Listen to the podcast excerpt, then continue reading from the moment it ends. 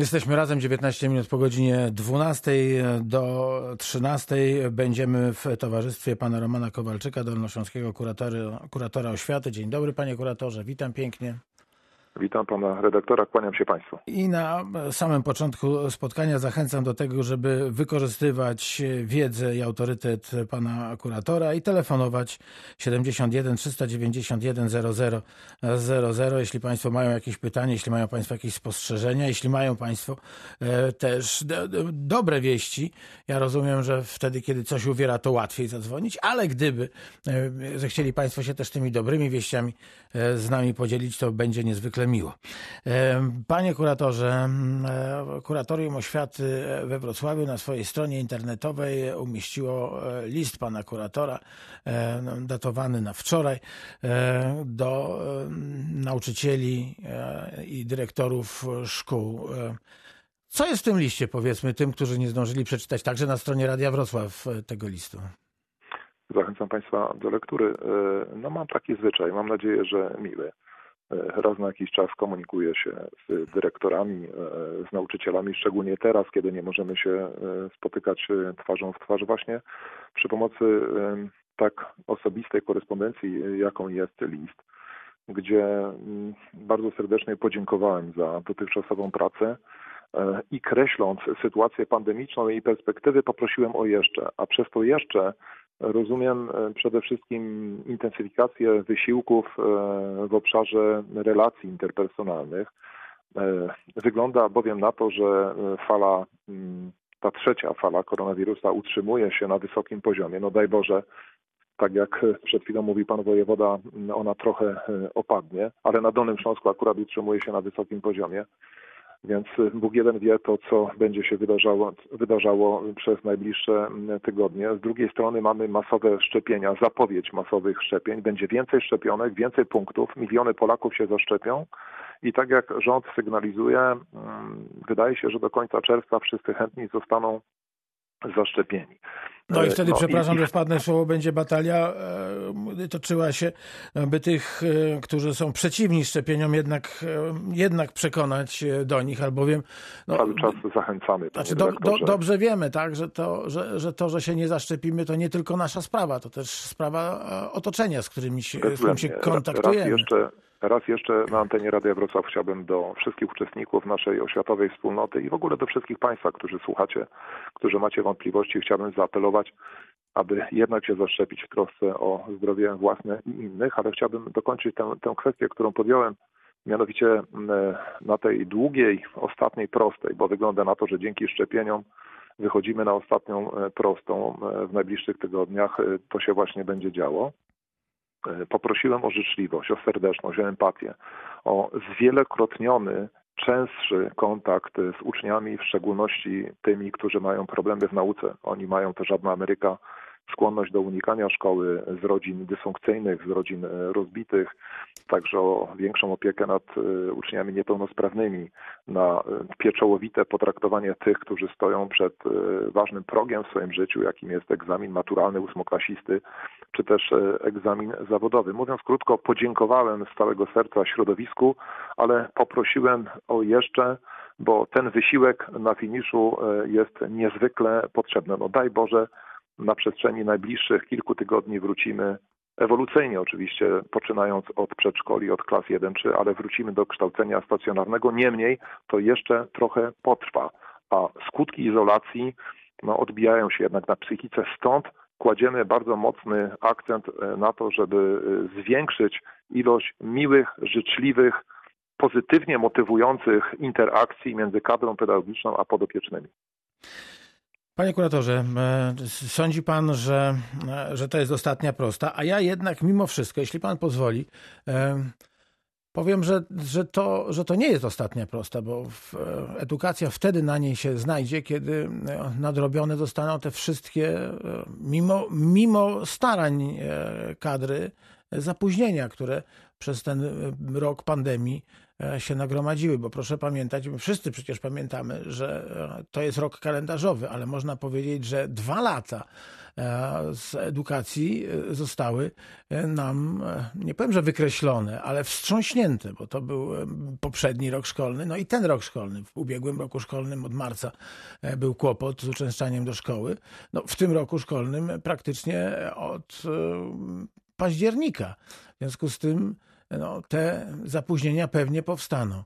Jest pomysł na to, e, jak zareagować na owe, co zrobić, żeby, żeby te szanse wyrównać, bo pewnie e, nie trzeba e, wielkiego badacza, żeby powiedzieć, iż zupełnie inaczej będzie wyglądał młody człowiek po maturze Anno Domini 2021, a zupełnie inaczej wyglądał młody człowiek po maturze Anno Domini 2019.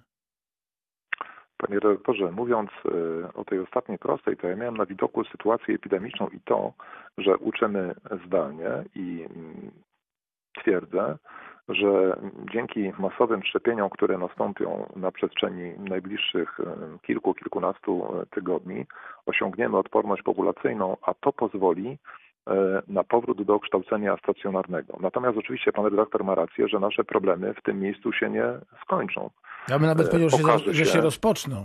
Okaże się, one się ujawnią. Okaże o, się. To jest, to jest, to jest, to jest nasza intuicja, ale, ale, ale myślę, że nie mylimy się. Okaże się, że jednak są poważne braki.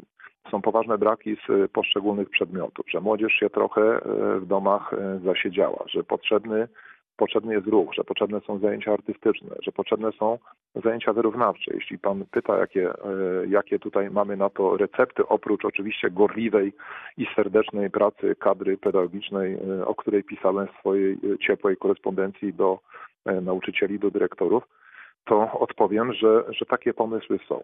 Ministerstwo Edukacji i Nauki wstępnie, ta kwota może być jeszcze podwyższona, zaproponowało 190 milionów złotych na zajęcia dodatkowe. To będą zajęcia mm, z poszczególnych przedmiotów, o które szkoły będą e, aplikować. E, to będą również zajęcia dobrowolne, bo tu od razu powiedzieć trzeba, że byłoby bardzo niedobrze, e, gdyby uczniowie pojawili się w szkole mm, i gdy okaże się, że, że są poważne braki jakiejś, jakiejś części tych uczniów, a może i wszystkich, żeby, żeby się nie okazało, że tak w górę pójdą e, oczekiwania i wymagania nauczycieli, że uczniowie zderzą się ze ścianą. To jest tak trochę jak po kontuzji, e, po absencji na boisku.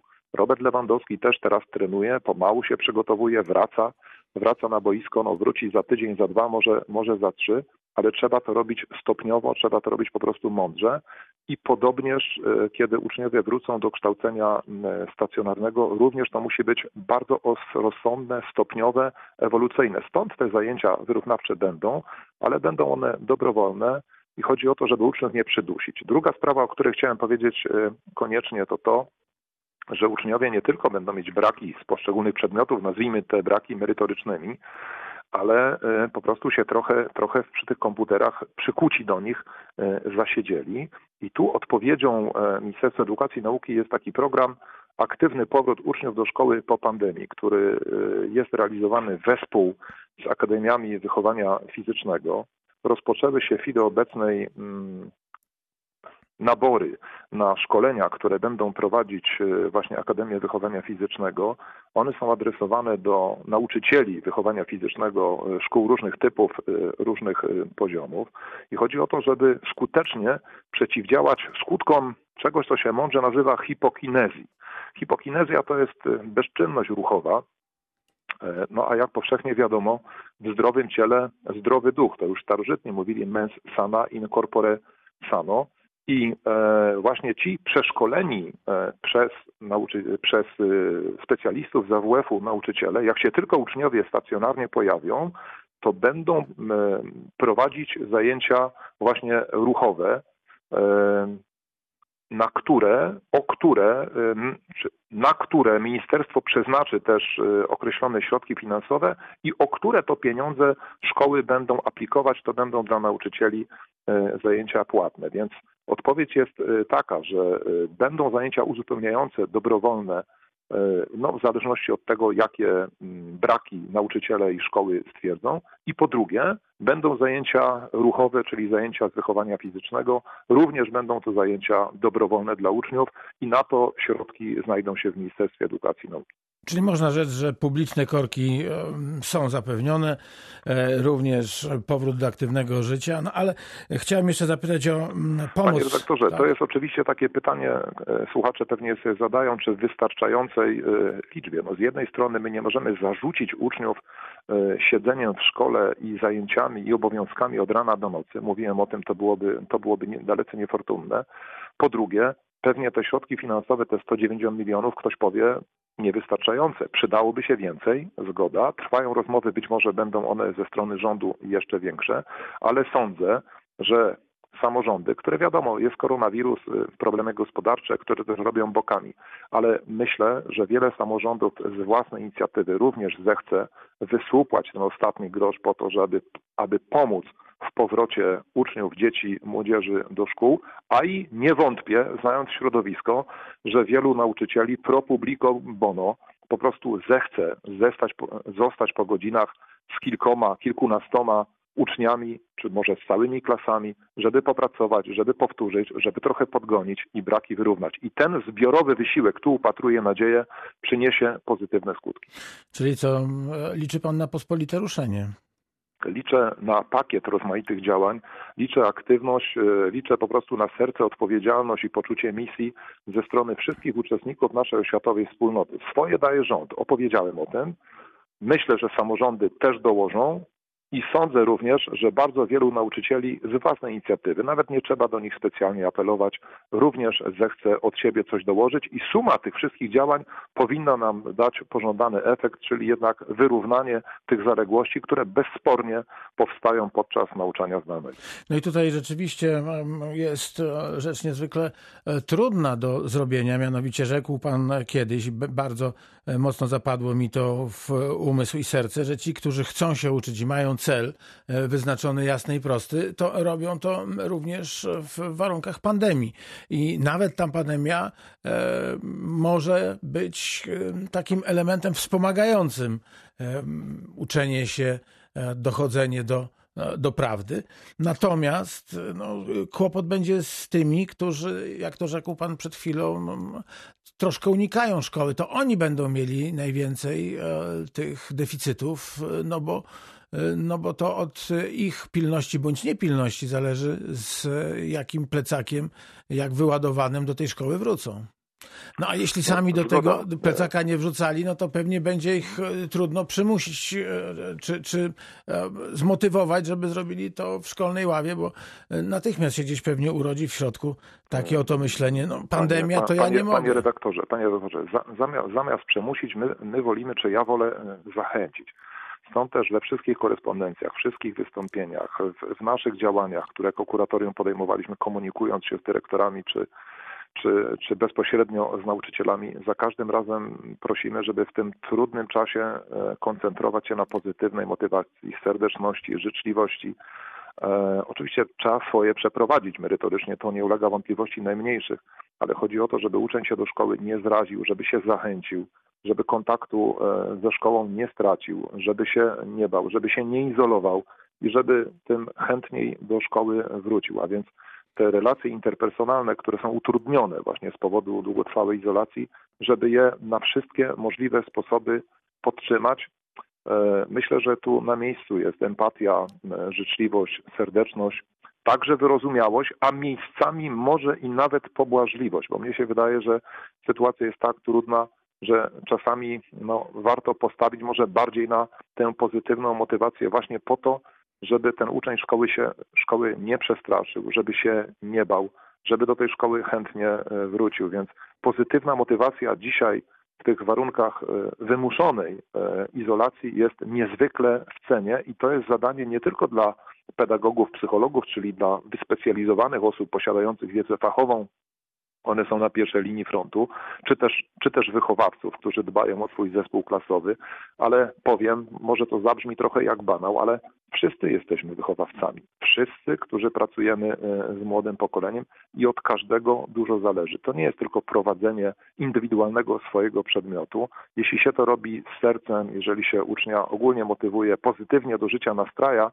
to tym łatwiej, tym, tym lepiej wyjdziemy z tego kryzysu, w który nas spędziła pandemia.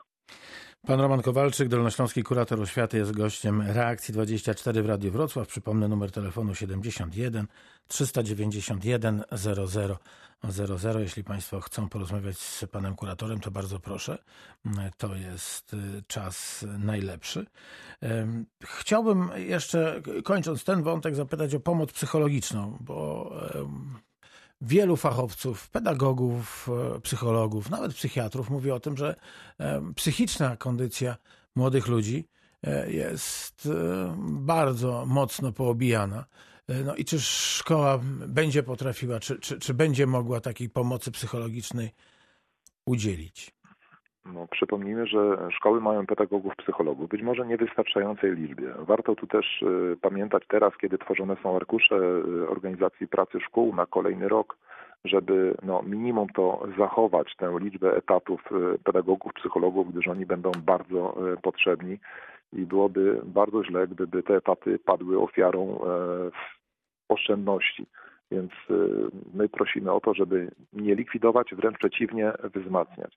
Działają też, przypomnę, poradnie psychologiczno-pedagogiczne. Są telefony zaufania. Te instytucje e, w dalszym ciągu normalnie działają, więc można się komunikować. To już jest wiedza e, e, bardzo fachowa i tu można liczyć na porady indywidualne. Ale wrócę do tego swojego motywu. Naszą pierwszą linią helpdesku, że tak to ujmę, to są nauczyciele, a już szczególnie wychowawcy. Więc jeżeli tutaj położymy jakiś taki fundament dobrych relacji, pozytywnych motywacji, komunikowania się, to to, to będzie nie, niezwykle dobrze i wtedy się okaże, że ta nasza druga czy też trzecia linia, a więc pedagog, psycholog, poradnie psychologiczno-pedagogiczne, a na końcu lekarz, y, psychiatra, to wszystko wytrzymają. Skala problemu jest duża. E, Ministerstwo Edukacji i Nauki, no wcześniej do grudnia Ministerstwo Edukacji, bo tak się ta nazwa zmieniła, prowadzi takie badania przy pomocy jednej z e, szkół e, wyższych w Warszawie. Na dużych próbach są e, analizowane wyniki różnych zachowań, postaw, emocji, zarówno wśród młodzieży, rodziców, jak i wśród nauczycieli. No i one pokazują, nie wchodząc tu w jakieś detale, opowiadam, bo mieliśmy taką specjalnie wideokonferencję, że jednak ta izolacja przynosi skutki negatywne, że, że sytuacja w tej mierze się pogarsza.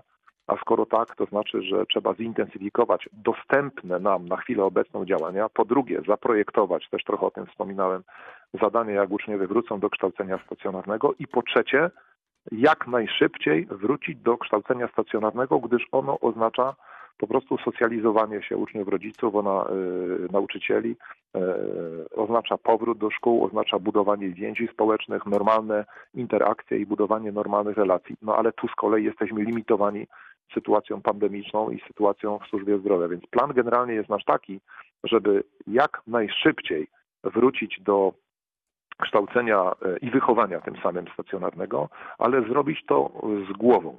Stąd też pan minister Czarnek zasygnalizował, że e, pytanie, jakie będą wyniki jutro, pojutrze, ale jeżeli byłyby e, stabilne albo by się te zachorowania zmniejszały, to wróciłyby mm, przedszkola, a później wróciłyby klasy 1-3, a później wróciliby uczniowie z pozostałej części systemu, gdyż im szybciej ten powrót nastąpi, tym lepiej. No tak, ale właśnie chodzi, chodzi o to, czy, czy, czy uda się tym e, najbardziej e, sponiewieranym przez koronawirus, tym, którym no, trzeba z, z, definicji poświęcić więcej czasu, czy uda się taką, taką opiekę zapewnić? Czy może pan kurator powiedzieć, że, że, że będzie pan orędownikiem takowej? To, to, to drugie to jest bezsporne. Czy wszystkim się uda pomóc w, w wystarczającej i satysfakcjonującej ich formie i w satysfakcjonującym zakresie nie wiem. Wiemy, że nasze siły są szczupłe i chodzi o to, aby optymalnie, optymalnie je wykorzystać. Jak największe zainteresowanie, nie tracić ucznia z pola widzenia, dużo ciepłych, życzliwych interakcji.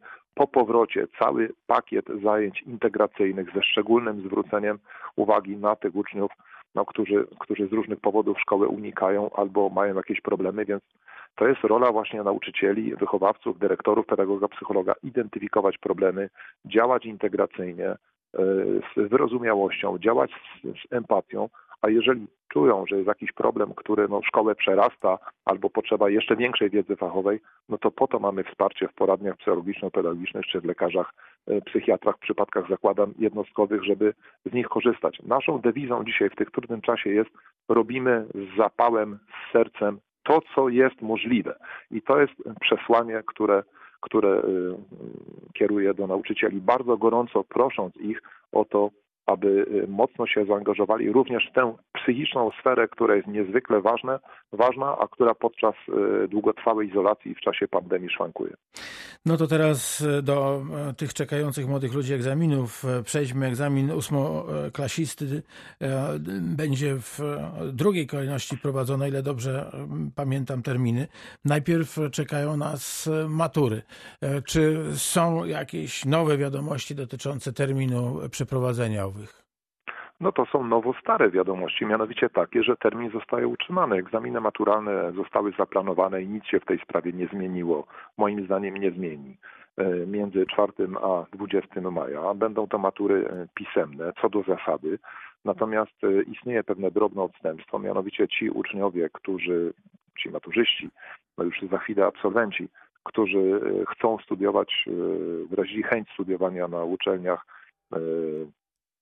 w świecie, w Europie i te uczelnie oczekują od nich przedłożenia wyników egzaminów ustnych, jeżeli zgłosili to w odpowiednim czasie do Okręgowej Komisji Egzaminacyjnej, to mają to zapewnione. I w tej sprawie zasięgnąłem informacji u pana dyrektora Piotra Świętrycha, dyrektora Okręgowej Komisji Egzaminacyjnej, bardzo dobrze funkcjonującej komisji.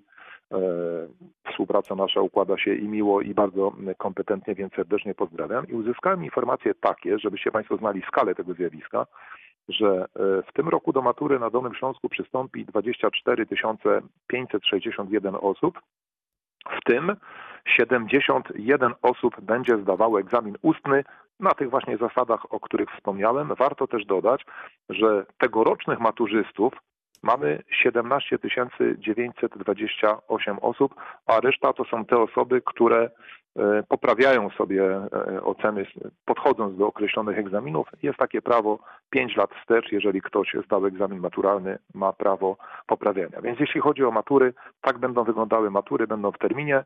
Natomiast jeżeli chodzi o egzamin ósmoklasisty, między 25 a 27 maja jest planowany i ten termin jest moim zdaniem niewzruszony proszę się na niego nastawiać. Mamy y, ósmoklasistów na Dolnym Śląsku 25 629 osób. A jak będzie ten egzamin przebiegał? Klasy, e, to znaczy, te sale gimnastyczne, największe obiekty e, w szkołach będą wykorzystywane? E, Czy to każda szkoła sobie nie, nie, szkoła, będzie wymyślać, to, to, to, szkoła, to szkoła jak to organizuje, uczynić? To szkoła organizuje, bo jest szkoła szkole nierówna. Mamy Wiadomo. szkoły duże, mamy szkoły masowe, mamy szkoły wiejskie, szkoły nieduże. E, na pewno będzie to w, w reżimie sanitarnym, jak to się powiada, to znaczy praktykując tę e, zasadę DDM, o której pan redaktor e, mówił z panem, z panem wojewodą. No plus S, czyli szczepienie tak, plus, no, plus, no, nauczycieli. Kadra, kadra się zaszczepiła, dodam, na Dolnym Śląsku to jest ponad dwie trzecie, trochę lepiej aniżeli w całej Polsce i ufam, że część teraz też z nauczycieli dodatkowo się szczepi, kiedy odblokowały się możliwości e, rejestrowania e, określonych grup wiekowych. No bardzo, gorąco, bardzo gorąco wszystkich Państwa, koleżanki, kolegów, e, nauczycieli do tego zachęcam. Także mamy praktykę z roku ubiegłego. E, są dokładne procedury, one zostały przećwiczone, a więc z respektem dla zasad sanitarnych egzamin ósmoklasisty zostanie przeprowadzony. On będzie z języka polskiego, z matematyki oraz języka obcego. Czy będą te egzaminy łatwiejsze? Zostały określone w grudniu w rozporządzeniu pana ministra Przemysława Czarnka zostały określone wymagania mm, które no, zredukowały poziom wymagań w stosunku do podstawy programowej, gdyż ministerstwo stanęło na stanowisku, pan minister że notabene też odpowiadając też na postulaty społeczne, też na taką potrzebę, że skoro nie jesteśmy w stanie e, długotrwale ucząc zdalnie, a to jednak nie jest to samo co stacjonarnie, no, zrealizować całości podstawy programowej, to znaczy, że trzeba to trochę ograniczyć. E, rozporządzenie ukazało się w grudniu. E, informacje na ten temat dotarły do nauczycieli. Nauczyciele uczą zdalnie, przygotowując maturzystów i przygotowując ósmoklasistów, bądź mając z nimi mm, konsultacje, bo warto może dopowiedzieć, że pandemia pandemią, ale w bardzo wielu szkołach, i to jest możliwe, odbywają się konsultacje w małych grupach, rzecz jasna, i warunkach sanitarnych dla maturzystów oraz dla ósmoklasistów. To jest też y, godne, godne podkreślenia. Y, w każdym razie y, mają oni szansę e, przygotowania się do, e, do, tych, do tych egzaminów i, i mam nadzieję, że, że to wyjdzie im na dobre. Egzaminy zawodowe, bo o nich też e, powinniśmy powiedzieć, jak, jak to wygląda w czasach zarazy.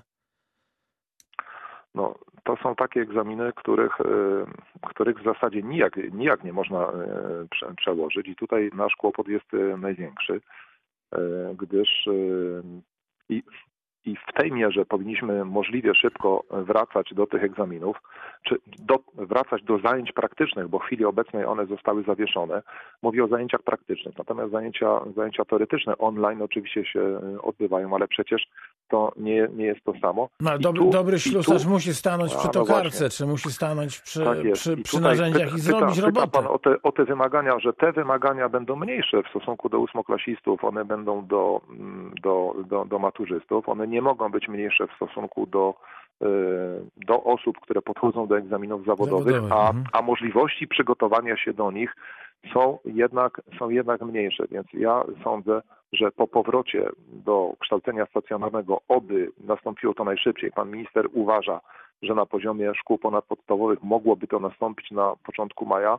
Pewnie będą dodatkowe zajęcia, które przynajmniej pozwolą częściowo zrekompensować te straty w godzinach e, kształcenia praktycznego, które e, przenieśliśmy, które ponieśliśmy wcześniej. Nie sądzę, żeby udało się zrekompensować oczywiście całość. Z drugiej strony nie sposób tych egzaminów, e, nie, nie sposób te egzaminy przesuwać. W związku z tym no, podejdą uczniowie do tych egzaminów z wiedzą, z wiedzą, którą mają. No, działamy w tych warunkach, które są robimy to, co jest możliwe. To chciałbym Państwu też powiedzieć. No cudów specjalnych tutaj nie oczekujemy, ale ufamy, że to, co zrobili nauczyciele, to, co zrobili również uczniowie, to, czego nauczyli się wcześniej, no i teraz mm, praktykując, choć z przerwami, że to powinno wystarczyć do, do zdania egzaminu. Pan Roman Kowalczyk, dolnośląski kurator oświaty, jest gościem reakcji 24 Radia Wrocław 71 391 0000 to jest numer telefonu do nas, do studia. Mogą Państwo na antenie Radia Wrocław, jeśli Państwo mają taką potrzebę z Panem Kuratorem rozmawiać. E, panie Kuratorze, edukacja uczniów e, niepełnosprawnych, edukacja ta specjalna. Bardzo wiele mówimy o szkołach e, tych ogólnie dostępnych, no ale przecież mamy e, szkoły integracyjne, no i mamy wreszcie tych młodych ludzi, którzy wymagają tej edukacji dobranej, specjalnie przystosowanych do ich możliwości. Jak tutaj sprawy się mają, jeśli już dzisiaj tak kompleksowo rozmawiamy o sprawach edukacji na Dolnym Śląsku w czasie COVID-19? No to warto powiedzieć, że szkoły, szkoły specjalne funkcjonują i o ich e, działaniu decyduje dyrektor szkoły, gdzie może przejść na nauczanie hybrydowe. Te szkoły mogą być również e, zamknięte, zwłaszcza wtedy, jeżeli pojawią się e, jakieś przypadki koronawirusa i dyrektorzy z tego korzystają. Mm, myśmy do tej pory, mm, jak jeszcze działały przedszkola, czy działały klasy 1-3, no, analizowali sytuację, wysłaliśmy codziennie medunki do, do menu. Teraz zajmujemy się szkołami specjalnymi, więc jeśli dobrze pamiętam, to chyba dziewięć e, na, na wczoraj e, działało, dziewięć było albo zamkniętych, albo działało też w systemie hybrydowym. Skądinąd otrzymujemy informację, że frekwencja, jeżeli chodzi o mm, udział w zajęciach, znacząco spadła, czyli czyli no, rodzica, ale to już jest odpowiedzialność rodzica, no, niespecjalnie może tak chętnie kwapią się do wysyłania e, dziecka do szkoły, wolą, aby to dziecko, ufając, że czas pandemii nie będzie trwał wiecznie, że, że pozostaną u siebie. Także no, to jest e, sektor szkolnictwa, który działa, chciałbym Państwu e, powiedzieć. I rodzic może przysłać swoje dziecko do szkoły specjalnej, gdzie gdzie ono będzie y, otoczone opieką. Także tych uczniów nie straciliśmy y, z pola widzenia. No, y, nie, nie zostali oni poza systemem, nie zostali porzuceni. A indywidualny tok nauczania? Mm, jak tutaj sprawy, jest, jak tutaj jest, się sprawy mają? To, to jest indywidualny tok nauczania. To, to, to pytanie, czy Pan mówi o nauczaniu indywidualnym, czy indywidualnym toku nauczania, bo indywidualny tok nauczania to jest dla uczniów wybitnych, e, którzy mm, i o jednym i o drugim, tak, którzy mają, tak, tak bo za chwileczkę bym chciał porozmawiać którzy, o olimpiadach którzy, i o tym. Którzy mają swój mhm. własny program, którzy, którzy są prowadzeni e, przez swoich mentorów, którzy mogą zaliczać na przykład dwie klasy, dwie klasy y, w jednym roku. No, z nimi e, to są uczniowie w pełni sił. E, I nie ma żadnego kłopotu. Tutaj nimi, wszystko idzie. Trwa nauczanie zdalne, czyli oni wszystko idzie dobrze. kontynuują swoje, e, swoje nauczanie, dość specyficzne. Oni są nauczani zdalnie. Oni są nauczani w sposób zdalny, tak? czyli, czyli na odległość. I tu nie ma żadnych, żadnych problemów. No nie, nie mamy takich sygnałów, prawda? Okay. Powiedziawszy, nie, nie, badaliśmy tego jakoś szczegółowo, bo powiem też Państwu, że my nie zarzucamy e, dyrektorów różnymi tabelami, zestawieniami, meldunkami. I tak dyrektorzy tam ledwo zipią i, i nie ma w co w ręce włożyć, a tu jeszcze pan kurator prosi, żeby zintensyfikować y, sprawy relacji interpersonalnych, wydzwaniać, motywować, pozytywnie nastrajać, etc.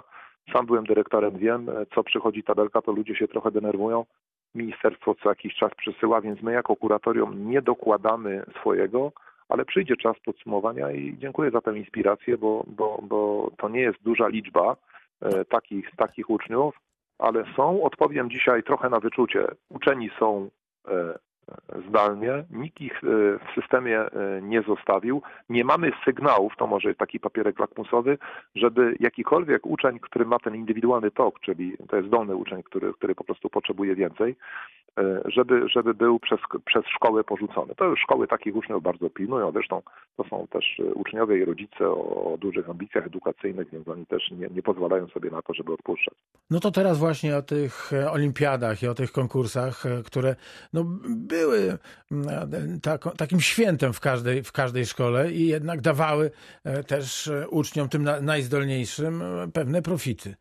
Jak to wygląda w, w czasie COVID-u? Tak, w czasie COVID-u wygląda to w ten sposób, że te olimpiady i konkursy no szczególnie takie, które w przypadku ósmoklasisty dają e, dodatkowe punkty, albo w których zwycięstwa czy znalezienie się w gronie laureatów e, powoduje, że ci uczniowie mogą sobie wybrać szkołę. To jest szczególnie łakomy koncept i tutaj bardzo wielu w takich olimpiadach, w takich konkursach e, startuje. Więc one w czasach COVID-u, również w czasie tych ostatnich obostrzeń obowiązujących, one mogą się odbywać. One mogą się odbywać oczywiście w warunkach sanitarnych, półtora, dwa metry od siebie, E, dezynfekcja, maseczki, prawda, to wszystko wiemy, odpowiedni dystans, a więc konkursy i olimpiady mogą odbywać się w czasie COVID-u e, i w ograniczonej skali e, odbywają się. Zresztą odbywały się również wcześniej. My mamy swój konkurs Dolny Ślązek, który też jest bardzo mm, ceniony, właśnie dlatego, że laureaci tego konkursu dostają się, dostają dodatkowe punkty i zwycięzcy otrzymują 100%, czyli czyli, czyli mogą sobie wybrać szkołę. To są konkursy z, z różnych e, przedmiotów. E, one już się odbywały na poziomie powiatowym, na poziomie wojewódzkim. To się wszystko odbywa. To, proszę Państwa, się dzieje, także nie ustało. Pandemia nie zablokowała możliwości e, przeprowadzania konkursów olimpiad. Mieliśmy wiele sygnałów, pan kurator e, je sprawdzał, dotyczących e, i likwidacji szkół, i przekształcania szkół. Sądzi pan, że COVID-19, a raczej to, co e, po, tym, po tej burzy pozostanie, spowoduje, że będzie więcej takich wniosków o przekształcanie szkół, o likwidację, że to będzie w pewnym sensie wykorzystywane do tego, żeby, żeby porządkować system edukacyjny. Myślę o, o bazie Zawsze jest tak, że organy prowadzące, a lwią część stanowią tutaj samorządy, mogą z mocy prawa do końca lutego podejmować uchwały o zamiarze likwidacji szkoły, przedszkola na swoim, na swoim terenie. E, przez siebie jednostkę prowadzoną, e, bo, bo na 6 miesięcy przed rozpoczęciem nowego roku szkolnego rodzice muszą dostać kompetentną informację. Kurator to opiniuje, ta opinia może być pozytywna, negatywna. Jeśli jest negatywna, to organ prowadzący odwołuje się do, może się odwołać do, do, do ministra, a następnie jeśli minister wesprze kuratora, to do wojewódzkiego sądu administracyjnego to wszystko trwa. Więc my się do likwidacji mm, nie spieszymy. E, my uważamy, że nie tylko na względy finansowe trzeba patrzeć. I w związku z tym bardzo mało tych likwidacji jest. E, tam, gdzie uczniów jest mało, to my proponujemy czy podsuwamy, to zostawmy chociaż e, w społeczności lokalnej szkołę 1.3 albo 1.4, żeby jednak była szkoła jako miejsce mm, spotkania lokalnej społeczności. Natomiast y, sądzę, że faktycznie w przyszłym roku, bo teraz już y, no, zakończył się już ten czas y, Jasne. wnioskowania, czy w przyszłym roku do końca lutego, głośno myślę, będzie więcej wniosków? Trudno czy ma pan już sygnały, trudno, że, trudno, że... Nie, sygnałów, sygnałów, sygnałów jeszcze nie mam, bo kto chciał szkołę likwidować, to już z taką inicjatywą wystąpił do końca lutego, inni będą się zastanawiać. Ale troszkę się obawiam, że mm, trudna sytuacja gospodarcza, bo przecież COVID jednak odbija się na budżetach y, samorządów, może skłaniać część samorządowców do tego, żeby szukać oszczędności w obszarze oświaty. No I w właśnie. tym sensie dość prawdopodobne jest, że tych wniosków o y, likwidację szkół, czy też o przekształcenia, czyli na przykład redukcję z 1,8 na 1,3 może być więcej, ale to jest na razie nasza, y, to jest na razie pewna gdybologia z naszej strony. Panie kuratorze, na Pana ręce życzenia dla wszystkich nauczycieli i uczniów jak najlepszych efektów egzaminów ósmoklasisty e, i maturalnego, także jak najlepszych świadectw, no bo przecież te lata kończyć się będą, bez względu na to, czy jest pandemia, czy nie, promocją do następnej klasy, więc niech te świadectwa będą jak najfajniejsze. Ja wiem, że to jeszcze trochę czasu zostało. Pewnie się jeszcze przed końcem roku spotkamy, ale e, to jest ten czas e, chyba już e, do biegu, zbierania najlepszych ocen, szukania takiego swojego miejsca też, może na przyszłość nawet. Więc żeby, żeby to się udało, no i żeby, żeby tak jak pan pisał w swoim liście, nauczyciele, kadra, pomagali młodym ludziom w, w, tych, w tych ciężkich czasach najlepiej jak umieją. Bardzo za dzisiaj dziękuję. Bardzo, bardzo gorąco dziękuję za te, za te życzenia w imieniu e, całego środowiska. To życzę też mogę, trochę mogę, sobie. Mogę obiecać, mogę obiecać wytrwałą, solidną pracę i permanentną troskę. Będziemy pomagać i będziemy tworzyć warunki do tego, żeby uczniowie, nauczyciele, rodzice, kadra pedagogiczna, żeby wszyscy, którzy tworzymy tę dolnośląską oświatową rodzinę, żebyśmy stanęli na wysokości zadania, żebyśmy stawili e, czoła temu bezprecedensowemu wyzwaniu, jakim jest e, pandemia no, pamiętając, jeszcze raz wrócę do mądrości starożytnych, że peras per ad astra, przez trudności w dosłownym tłumaczeniu, przez ciernie do gwiazd, przeszkody są po to, żeby je pokonywać, kłopoty, trudności, żeby hartowały. Róbmy tak. Roman Kowalczyk, Dolnośląski Kurator Oświaty był z nami. Bardzo dziękuję. Reakcja 24 właśnie się Bardzo kończy. dziękuję. Życzę zdrowia. Kłaniam się. Wzajemnie.